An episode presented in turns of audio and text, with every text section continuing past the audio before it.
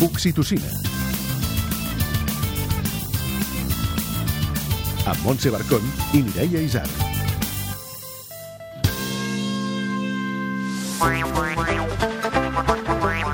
Fes el llit, no, para la taula, no, recull la roba bruta no. del ves a llançar les escombraries no. o... Que pesat és barallar-se per les feines de casa quan la família va creixent. Hi ha manera d'evitar-ho? Com podem fer que els nostres petits siguin col·laboradors, responsables i autònoms? Ai, que bonic! Eh, sona bé, eh? Doncs la psicòloga Alexandra Mariner ens ho explicarà. En Joan Reig dels Pets ens confessarà algun dels seus millors moments com a pare al Tu Tots Tothom. El Xavi Cazorla, el Maconi, segurament ens explicarà algun dels seus pitjors moments i això segur ens farà riure. A més a més, tindrem propostes nadalenques amb les Mama Proof i repassarem la cartellera de cinema familiar amb el Marc Garriga. Tot això i algun regalet més a l'Oxitocina!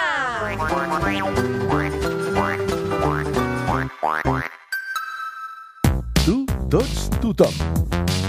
A mi em diuen Joan Reig i Soler i sóc fill de Constantí i entre altres coses toco la bateria en un conjunt emergent i que està molt de moda que es diuen els Pets. Què no t'esperaves de la paternitat? Doncs eh, que, que, que, que ho faria també. M'explico, m'explico.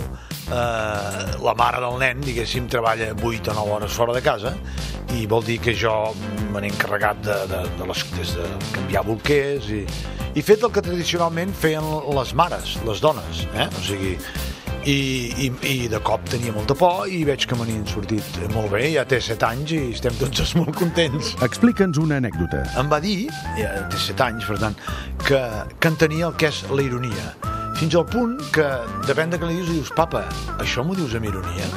I va, i va ser, és quan te'n dones compte que, que el seu cap es va fent gran, no?, i que entenen el món dels adults amb detalls com, com, com aquest. Em va sorprendre molt i, i vaig riure molt, va fer molta gràcia. Aviontaria de veritat, eh?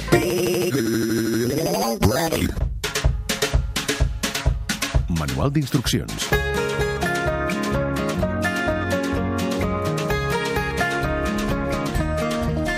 Hores d'ara ja tenim clar que hem d'ajudar els nostres fills a ser autònoms. No, no com a règim laboral, Ai, no eh? això sí que no, eh? És molt dur, això. Sinó autònoms. Eh, si volen ser... Sí. Bueno, ja li donem quatre consells. Volem dir això, aconseguir les seves fites, ser independents, capaços, sentir-se capaços. A poc a poc aniran agafant la responsabilitat de les seves vides, però per on es comença, això? Ah, no sé, no sé. Ens donarà un cop de mà la psicòloga Alexandra Mariner. Benvinguda de nou. Bona tarda.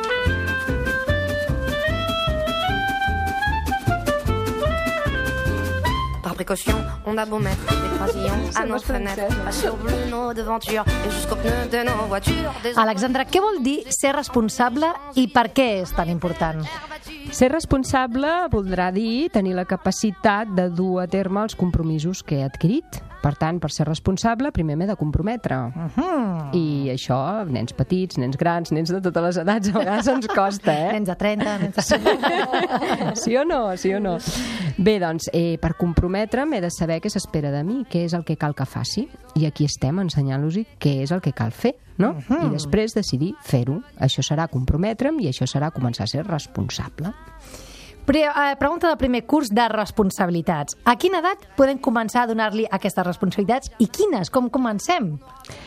Resposta eh, seria, depèn del nen, perquè, clar, sí, en trobarem moltes de piràmides, no? Dels dos als tres anys pots demanar que porti la roba bruta al cubell, dels tres als quatre que posi el seu got a la taula, però, clar, l'ideal és demanar i, o, o proposar aquesta responsabilitat a mesura que veus que ell ho pot assumir.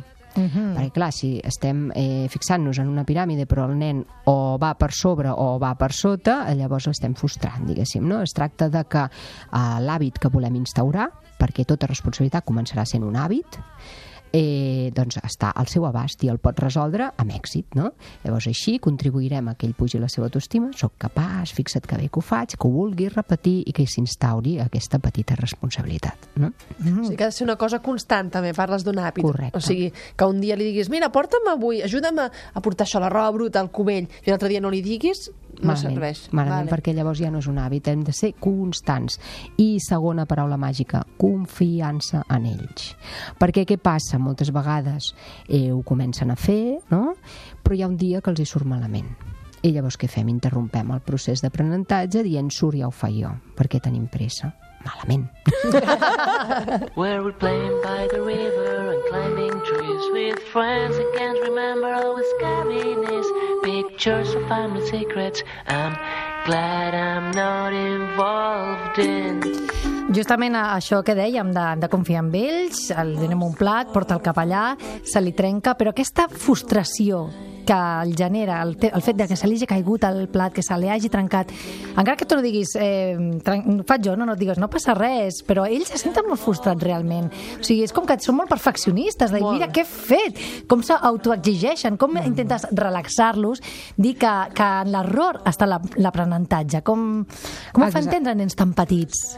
Exactament així, és a dir, li hem de reforçar l'esforç que ha fet fins aquí i que realment busquem una alternativa. Potser, si ho fem d'aquesta altra manera, se'n surt, ens en sortim millor, no? fer-nos equip, no? perquè ell no, eh, diguéssim, es senti com eh, té fallat. Perquè aquesta és la gran clau d'aquesta Clar, perquè frustració. estàs allà amb no? els ulls, si no, vigilant que no li caigui l'aigua, no li caigui- Recordeu que al principi el que volen és que ens sentim orgullosos d'ells, no? És més, després els anirem ensenyant a que són ells els que s'han de sentir orgullosos d'ells mateixos, no? I aquí és on hem d'anar a parar, no? Perquè si sempre acabem fent bones, no? o bé, ben fetes les coses perquè el de fora m'aprovi, no anem bé. Al final el que els hem d'ensenyar és ets tu, et sents content amb tu mateix perquè fas les coses d'una manera correcta.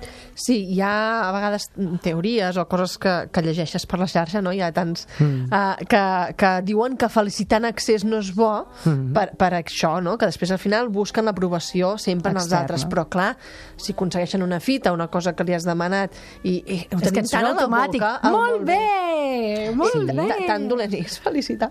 No, no. El matís l'has dit tu, Mireia. Felicitar en excés. Val? És a dir, al principi, quan estem adquirint l'hàbit, lògicament felicitem i reforcem, no? I quan no ens surt del tot bé, busquem alternatives per fer-ho millor i, com deia la Montse, els ensenyem a encaixar que algun dia et pot caure el cigró de camí a la taula, però no per això et donis per vençut. El cigró se'n va a l'escombraria i tornem a posar el plat endavant. No ha passat res, sí? You should have seen him playing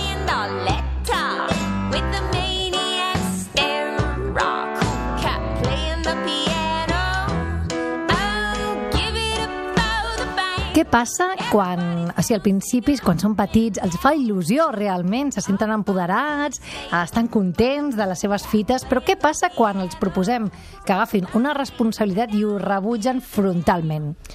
Llavors hem de buscar-ne un altre, segurament, no? perquè el que més ens interessa ara és que prenguin aquest procés de hi ha una cosa que fas tu i t'encarregues tu i la mare i el pare, el pare i la mare confiem en que tu la faràs, no? És a dir, el que més ens interessa és el metaprocés, no? En aquest, més que no el contingut. Per tant, si no li motiva, eh, mirem de trobar algo similar, no? Algo que també sigui en benefici d'ell, però que sigui més motivador per ell. Ens, de fet, la motivació en aquest sentit ens fa la palanca, ens ajuda. Començar un hàbit en el que no estic motivat, començar una responsabilitat en el que no estic motivat, costa molt més, no? I sempre estem parlant d'hàbits que no tenen a veure amb la cura d'un mateix, que això ja ho haurem fet, no? És a dir, el tema de rentar-me les dents, el tema de... Aquests van per altre camí. Ara estem parlant d'hàbits de petites responsabilitats de col·laboració en la família, de col·laboració a casa. És molt necessari que comencin motivats. Per tant, no, això no m'agrada. Bé, a vegades a un li agrada rentar els plats i no li agrada planxar. Doncs bé, no? Si de gran també ens costa, imagina't de petits. Doncs no, no seria, no seria claudicar, diguéssim, canviar d'idea. No, en aquest cas, com que el que Vals. més ens interessa és que s'arribi a comprometre i que ho porti a terme i que sigui constant i poder-li reforçar l'esforç que fa, és igual que sigui una cosa que que l'altra, no? Val, però posem el cas que mm, vull posar la norma a casa de que després de jugar has de recollir les joguines. Això és una responsabili- responsabilitat teva.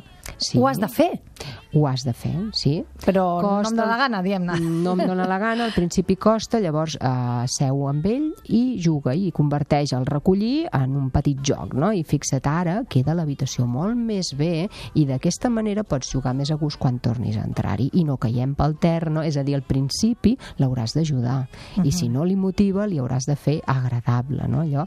Però és un petit repte que ens posem, no? A veure què tal va.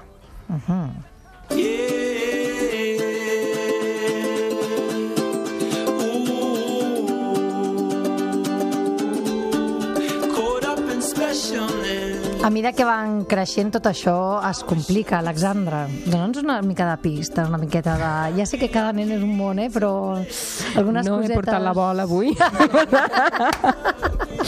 a veure, eh, es complicarà, es complicarà o no, a vegades eh, pot ser més fàcil del que sembla, no? Uh, segurament hi haurà hàbits que els volen abandonar o a vegades passen fases en què allò que ho feien i no hi havia cap problema comença a suposar doncs, més dificultat. Quan un hàbit decau, hem de comprovar que no hi hagi una causa, causa perdó, orgànica, és a dir, que no es trobi malament el nano. No? Un nano que sempre ha respost i ha fet una tasca, què està passant ara? No? Que no es trobi malament, que no sigui algo que ha fallat avui. No? No hi ha una causa aparent orgànica, mirem si se sent malament no? emocionalment. Potser que no estàs bé últimament, que està passant alguna cosa. No hi ha cap altra causa, pot deure's a la pròpia maduresa i evolució. Ara vull oposar-me a fer això. Llavors és quan negociarem d'acord, això ara ho estàs posant en dubte, què és el que vols fer, no? Perquè si es tracta d'un hàbit de cura d'un mateix no pot decaure, em sap greu, i aquí sí que hem de ser, no? El que Hem de ser una mica sempre, estrictes? Correcte, rentar-se les dents no es negocia, dutxar-se no es negocia, és un hàbit de cura amb mi mateix. Ara, si ara, doncs, per exemple, aquell hàbit que havia agafat de parar a la taula cada dia, doncs... Eh, De fer-se al llit o- Estic, eh, clar, és que estic cansat i, bueno, negociem dos dies, un dia, anem veient, però a canvi agafes un altre compromís, no? Perquè recordeu que el que ens interessa és el procés de comprometre'm i de portar-ho a terme, no?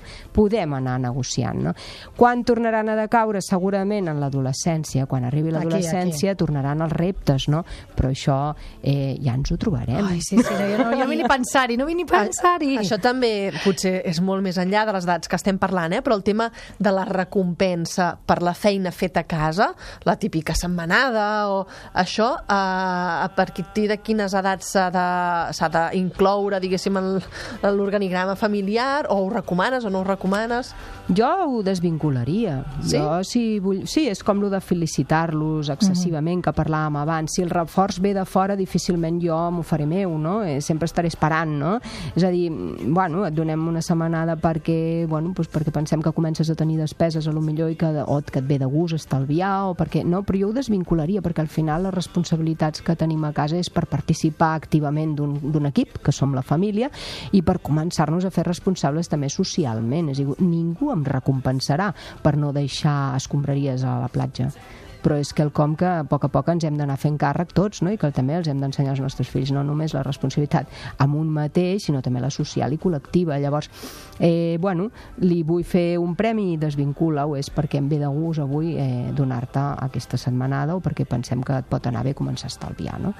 Però no cal felicitar per fer per portar la roba bruta al cubell. Ni és, no ho hem de plantejar com un, entre cometes, salari per una feina que tu fas a casa, no? Vull dir, Mm, una cosa que la responsabilitat, com deies, no? Uh, Que ens paguen a nosaltres, que ens paguen a nosaltres. A mi no, però no sé. A mi tampoc. D'acord, doncs uh, bé, ha quedat clar, l'adolescència seria un altre capítol, ara no, no obrirem aquest meló, no? I sobretot tampoc pensem que això ha de passar, eh? però si en algun eh, moment vital pot tornar a caure un hàbit, podria ser a l'adolescència. Però sempre us dic que li hem de fer bona política a l'adolescència. Ai, una última pregunta. I si nosaltres, mira, ens hem despistat una mica, tenim un nen de 6 o, 6 o 7 anys que fins ara li hem fet tot molt tot, perquè ens anava bé, anava més ràpid, o... Mira, és com ho hem fet, és igual. I ara diem, volem canviar-ho. Mm -hmm. um, els passos per aconseguir que un nen ja d'aquesta edat que s'ha acostumat a viure amb unes comoditats podríem dir, i que ara li diem no, ara t'has responsabilitat d'això, d'allò, d'allò altre, mm. serien els mateixos passos que ens has dit per un nen tan petit? Sí, Començar per una començar, coseta. sí, és començar a muntar un hàbit, parlar-ho amb ell, no? Mira, pensem que aquest és el moment, és un moment important en què tu comencis a col·laborar i a ajudar a fer aquestes tasques a casa, sempre si és a temps. I sempre s'hi pot parlar i decidir que entre tots ho hem decidit i pensem que també és bo per tu, perquè t'ensenyarà x, x, x, no? Les coses que, que li vulguem proposar fer, no? Sempre si és a temps. I sempre som l'exemple. No oblideu mai. Alexandra, moltes gràcies. Gràcies a vosaltres. Adéu.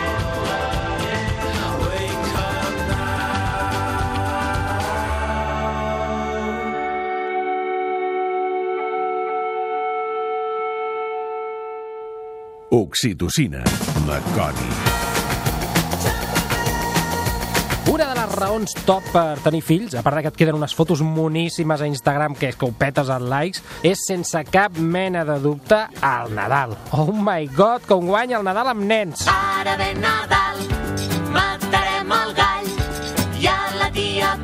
que no hi ha res més maco quan tens fills que celebrar les festes, home. Fins i tot si tu ets el tio més soso del món, allò, tu ets eh, José Montilla, per exemple, i és que amb nens, amb fills corrent per casa, et converteixes a, a, en el tio que fa gràcia dels morancos, el que sigui, dels dos. Amb els nens i el Nadal passa una mica com quan a la cuina fas algun tipus de rebossat amb el que sigui, peix, pollastre, carxofes, ous de formatge, sushi. Si ja de per si són coses bones, arrebossades encara milloren.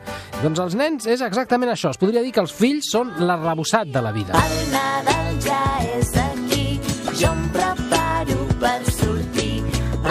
tema de supervivència perquè els nens al Nadal, home, amb tots els estímuls de l'exterior, estan ansiosos per sortir al carrer i si aconsegueixes retenir-los sense que surtin despullats, seràs un heroi. Els has de posar l'abric, la bufanda, el gorro, els guants i preparar-te per la bufetada d'estímuls i sobreexcitació que t'envoltarà en el mateix moment en què obris la porta del carrer.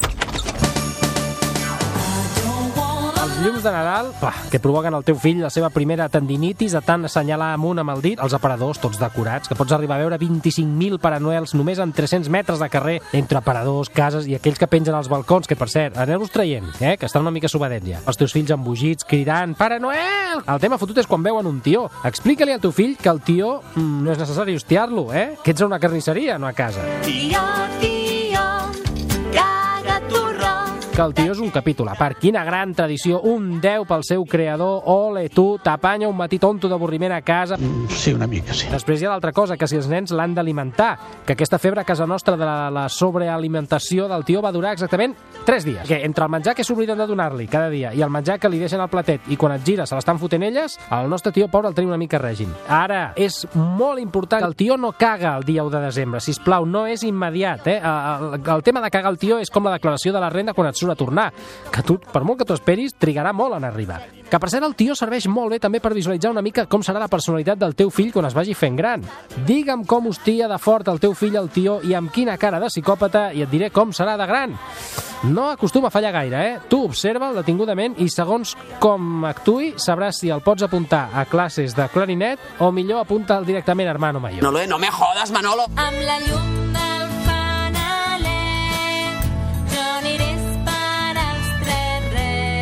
I falta el gran dia dels dies als Reis Mags, la cavalcada de Reis amb aquells milions de carmels sobrevolant al seu cap. Oh, per favor, les cavalcades amb fills és que mai tornaran a ser el que eren. Entre altres coses perquè ara tens dret, t'empara la Constitució, a poder barallar-te amb una senyora gran per aconseguir aquell carmelet del terra que ha quedat oblidat i que tu, si l'aconsegueixes, li donaràs al teu fill com a premi. Eh, que dice que saquemos la pistola. Però per la resta, les festes de Nadal són la mar de maques. Les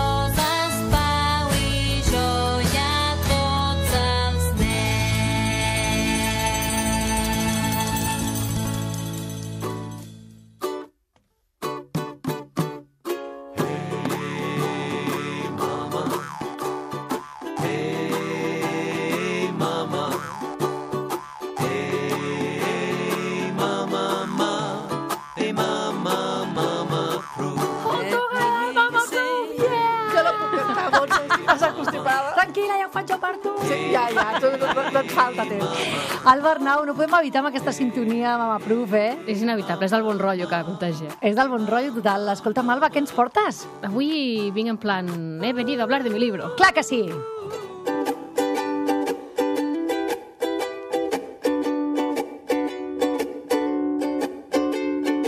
We have gone to the country in your old car. I doncs, explica'ns. Bueno, de mi libro, mi libro no, però, però de la revista sí, de la revista sí.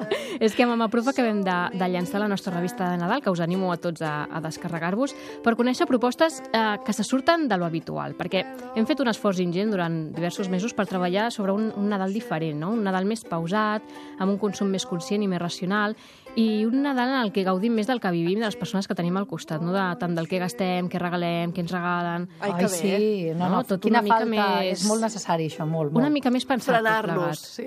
Clar.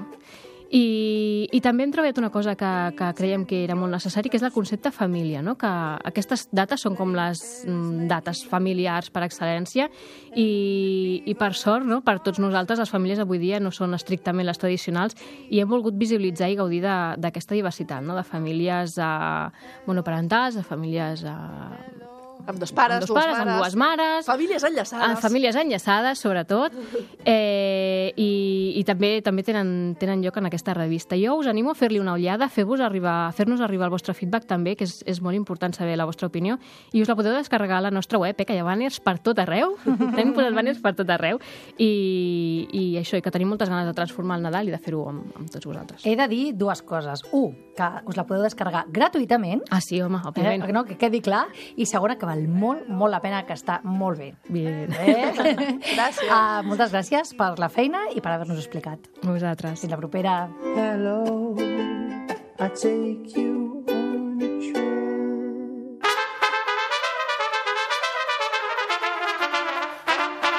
Dibuix lliure.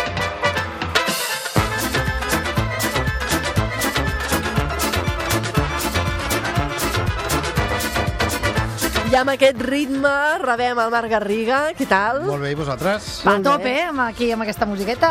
Ell és, com sabeu, de l'any passat l'especialista de cinema dels serveis informatius de Catalunya Ràdio i avui ens vols portar unes quantes recomanacions per a aquest Nadal en família. Ai, sí, sí, per sí. anar al sí, sí. cinema, i com que ja heu posat aquesta música sintonia de dibuix lliure, comencem amb dibuixos. Molt bé. Me llamo Peter Parker.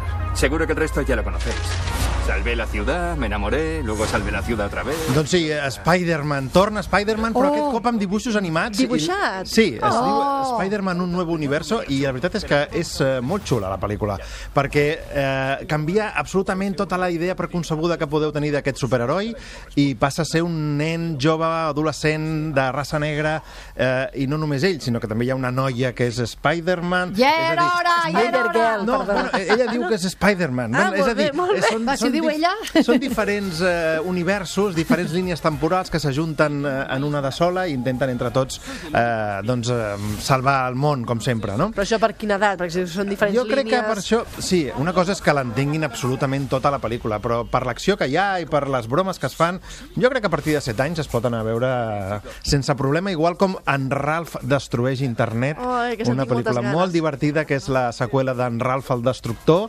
Eh, recordem, per qui no hagi vist la primera, doncs eh, són eh, herois o, o, o villans de, de videojocs antics, diguéssim, i que en aquest cop eh, els dos, en Ralph i la Vanellope, doncs es fiquen dins un cable d'internet i descobreixen la xarxa amb Uau. les milers de possibilitats que, que hi ha allà. Hi ha una escena meravellosa on desmitifiquen, i això que és una pel·lícula de Disney, doncs eh, totes les, eh, les característiques absurdes de les princeses Disney de sempre. Ui, que bé, I es ja hora fiquen també. amb ells, Disney amb ell mateix eh, criticant eh, l'estereotip de la princesa bé, Disney. molt bé. Per tant, per començar, dues recomanacions. Jo diria que les dues per, a partir dels 7 anys eh, de dibuixos animats. Ui, doncs a P5 van bojos, eh, per aquesta. Sí? Sí, sí, sí, Doncs ja la mira, veuen, eh? Doncs imagina't. No? Cuenta la leyenda que un día un nuevo rey llegará y usará el poder del tridente. Ui, el poder del Poder del tridente. tridente. Això ja és per no una miqueta més gran. Sí. és el Sirenito, és Aquaman, que és un dels herois de DC Comics, eh, aquí interpretat per Jason Momoa, que per als que siguin Qui? fans de Qui? Joc de Trons... Momoa, tia, Jason tota la Momoa, El Cal Drogo de Joc de Trons. Ara! Ai, ai, ai, ai, ai, ai, ai, calla, calla. Un tiarrón, no? Podríem dir així. No Eh, crucifiquem. doncs és el superheroi del fons del mar, que l'hem vist ja en altres pel·lícules anteriors, el Batman contra Superman o la Liga de la Justícia. Mm, DC Comics no és com Marvel, eh, la veritat és que els hi costa fer pel·lícules que siguin una mica atractives, però jo crec que aquí han trobat una mica la fórmula eh, similar a la de Thor, eh, és a dir, una pel·lícula de superherois que té acció, que té violència, és veritat, però que també té unes dosis d'humor importants i, per tant, molt més afable per, per poder portar nens, eh, no sé, 8, 9 anys, potser. Mm, jo crec que el meu també s'atreviria. Són molt precoços els teus, eh? Sí, una mica. Eh, I, I dins d'aquests revivals que s'estan fent, eh, també s'estrena Bumblebee, que és el primer Transformer que va existir, Oh. i és una preqüela, és a dir, és la sisena pel·lícula de Transformers, ja s'havia convertit en una, en una franquícia absolutament confusa, és a dir, unes escenes d'acció que no sabies què estava passant, el, el, la, la idea era soroll, acció, música, i ara han fet un pas enrere, fan una pel·lícula tranquil·la, una mica reposada i jo crec que una mica més amb, amb eh, esperit Disney, que jo crec que és molt apropiada pels nens per, a, per aquest Nadal. I crec que de totes aquestes quatre que us dic ara en aquest pack és la, la que estarà millor, perquè també hi ha Robin Hood, 20 i pico cops que ja ha passat Robin Hood per la gran pantalla, aquest cop també a ritme com de videoclip. Potser no és una gran pel·lícula, però pot ser entretinguda pel, pels Per qui no eh, hagi més vist mai Robin Exacte, Hood, per qui no? no hagi vist alguna de les antigues, i Super López, que és més nostrada, amb l'adaptació del còmic Divà, de Jan, perdona, eh, que bé, és, és una mica infantiloide, és a dir, els, els eh, fans adults del còmic de, de Jan doncs la troben una mica simplota, però jo crec que pels nens pot ser divertida. Mm. Molt bé, doncs tu, Eh? I la nova Mary Poppins, què? La nova Mary Poppins, què? Poppins, has vuelto. No parece que hayas envejecido. De verdad, jamás se comenta la edad de una dama, Michael. Has olvidado tus modales. Amb aquesta pel·lícula eh, torna Mary Poppins, eh, jo crec jo no que... sé si la puc pots veure, em va agradar tant l'altra, Doncs aquesta t'agradarà moltíssim. Sí? També. És a dir, és el mateix. Com si no hagués passat el temps, com si no, No haguessin passat veure, 40 anys. És a dir, és la mateixa pel·lícula, han canviat els actors i estan molt bé. L'Emily Blunt fent de Mary Poppins eh, ho fa fantàsticament bé, eh, però és que la textura de la pel·lícula, les cançons, eh, tornen a viatjar un món de dibuixos animats, eh, en lloc d'un senyor que neteja xamanelles és un senyor que encén llums pel carrer, que és el Lin-Manuel Miranda, la música és del mateix estil que aleshores i per tant si t'agradava l'original aquesta et tornarà a agradar però dius Clar, però calia, calia, calia, clar, actualitzar calia. una mica, no? Potser. Sí, eh, s'hagués pogut actualitzar, però vaja, està rebent nominacions als Globus d'Or, a tot arreu, eh, fins i tot, mira, el- la National Board of Review i l'American Film Institute diuen que és una de les 10 millors pel·lícules de l'any. Mare meva. Potser, potser no, no sé, no en sabem prou, tu, perquè a nosaltres no ens agrada i a tots aquells els agrada. Bé, Clar, és que sempre és una diferència entre els crítics i el públic, eh? Clar, jo crec que els americans eh, tenien ganes de, de més Mary Poppins i potser ja són gent amb una certa edat que, bé, han tornat com una mica amb un viatge al passat, Uns no? I per ells els hi ha encantat. Clar. Uh, no, no, que està bé, que us ho passareu bé, que els nens tot, de totes les edats, en aquest cas, la disfrutaran, però, però vaja, que és allò que poseu-li l'original a casa també és una I bona clar, opció. això ja està fet, això està fet. I per cert, que hi ha una altra també així com més clàssica que es diu Santa Claus i companyia, una pel·lícula francesa, típica argument, Santa Claus té uns inconvenients, els elfs es desmaien, es posen malalts, els hi ha d'anar a buscar ibuprofens pel món per poder salvar el Nadal. I bé, és una pel·lícula entretinguda que no està malament, que també podeu anar a veure aquest Nadal. I per acabar, ¿Qué? Sota, ¿dónde está el champú? He olvidado cogerlo. Con tu pesca del día no vamos a salir de pobres. Una pel·lícula que jo us això? recomano molt als pares. Ah. És una pel·lícula eh, que va guanyar la Palma d'Or a Canes, es diu Un assunto de família, Mhm. i és un director, Hirokazu Koreeda, un japonès, que fa pel·lícules sempre relacionades amb el món de la família per estudiar les relacions que s'estableixen entre els diferents membres de No la li família. falta feina, no li falta. Sí, eh, reviseu-les totes, perquè estan totes molt bé, però aquesta és excepcional. Ah, és una bé. pel·lícula per entendre que la família no és, i vosaltres ho expliqueu cada dos per tres, eh, pares, fills, eh, sinó que les famílies es poden formar de moltes maneres diferents. Eh, I en aquest cas és una pel·lícula que és molt dura, eh, però que al mateix temps és... Eh, meravellosament eh, romàntica parlant des del punt de vista familiar. Eh? Són, eh, no, no vull fer spoilers perquè la veritat Ui, és que al fa molt final... bona pinta, Sí, eh? pel que has dit ja, ja, ja ens has convençut. Uh, de veritat, aneu-la a veure. Uh, aquesta sí que és millor que aneu els pares sols, sense portar els, Que els també nens. està bé, que també que està bé de tant en tant, que disfruteu i, i després segur que em, que em doneu la raó. I puc fer un petit apunt? Va, Vinga, va, vinga, corre, un petit corre. apunt, ràpid. I és que hi ha una, una iniciativa del Drac Màgic, eh, que suposo que els coneixeu, pels més, més, més petits per veure pel·lícules que no són molt llargues, 50 minuts, 45, que a més a més el cinema Girona de Barcelona doncs, disfressen el cinema de sala de jocs, per tant que és primera experiència pels més petits per poder anar a veure pel·lícules de dibuixos o de, de, de, amb, fetes amb ninots de plastilina, disfrutar una experiència nova i introduir-los en aquest món. I això és el, com es diu? És el Quinosaure Cinema Girona de Barcelona. Si busqueu a internet Quinosaure, És un veureu festivalet per eh, tenir la primera experiència al cinema, tots no? els diumenges dues sessions, a les 12 del migdia i a les 5 de la tarda. És un planazo, això, Marc. Vinga, apunteu-vos-hi. Moltes gràcies. gràcies. Adéu-siau.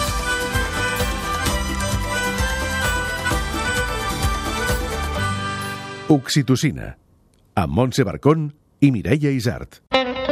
Contes d'un minut, amb Mont Mas. L'àvia d'en Mario col·leccionava records. els ficava en pots de vidre i els guardava en el rebost. Era fàcil que, a l'obrir-los, es comencessin a projectar en el sostre imatges de nens i nenes que jugaven i es ballaven en el riu. De tant en tant, també de dins aquells pots hi sortien melodies i sons d'aquella vella orquestra on l'àvia hi tocava el contrabaix. I guardava també els vents frescos de l'estiu, d'aquell poble on ella va néixer.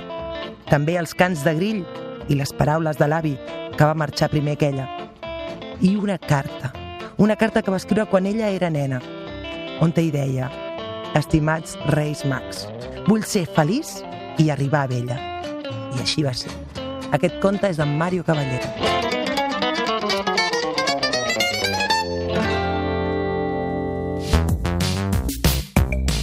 Un consell per acabar. Res, que s'hi posin, que això va, va, va sortint. Jo estava cagat de por i, i és que és una aventura fascinant, que, que, que no se n'arrepentiran seguríssim. La dosi d'oxitocina setmanal s'acaba aquí. Si en voleu més, en trobareu al grup de Facebook, al blog del programa i al podcast.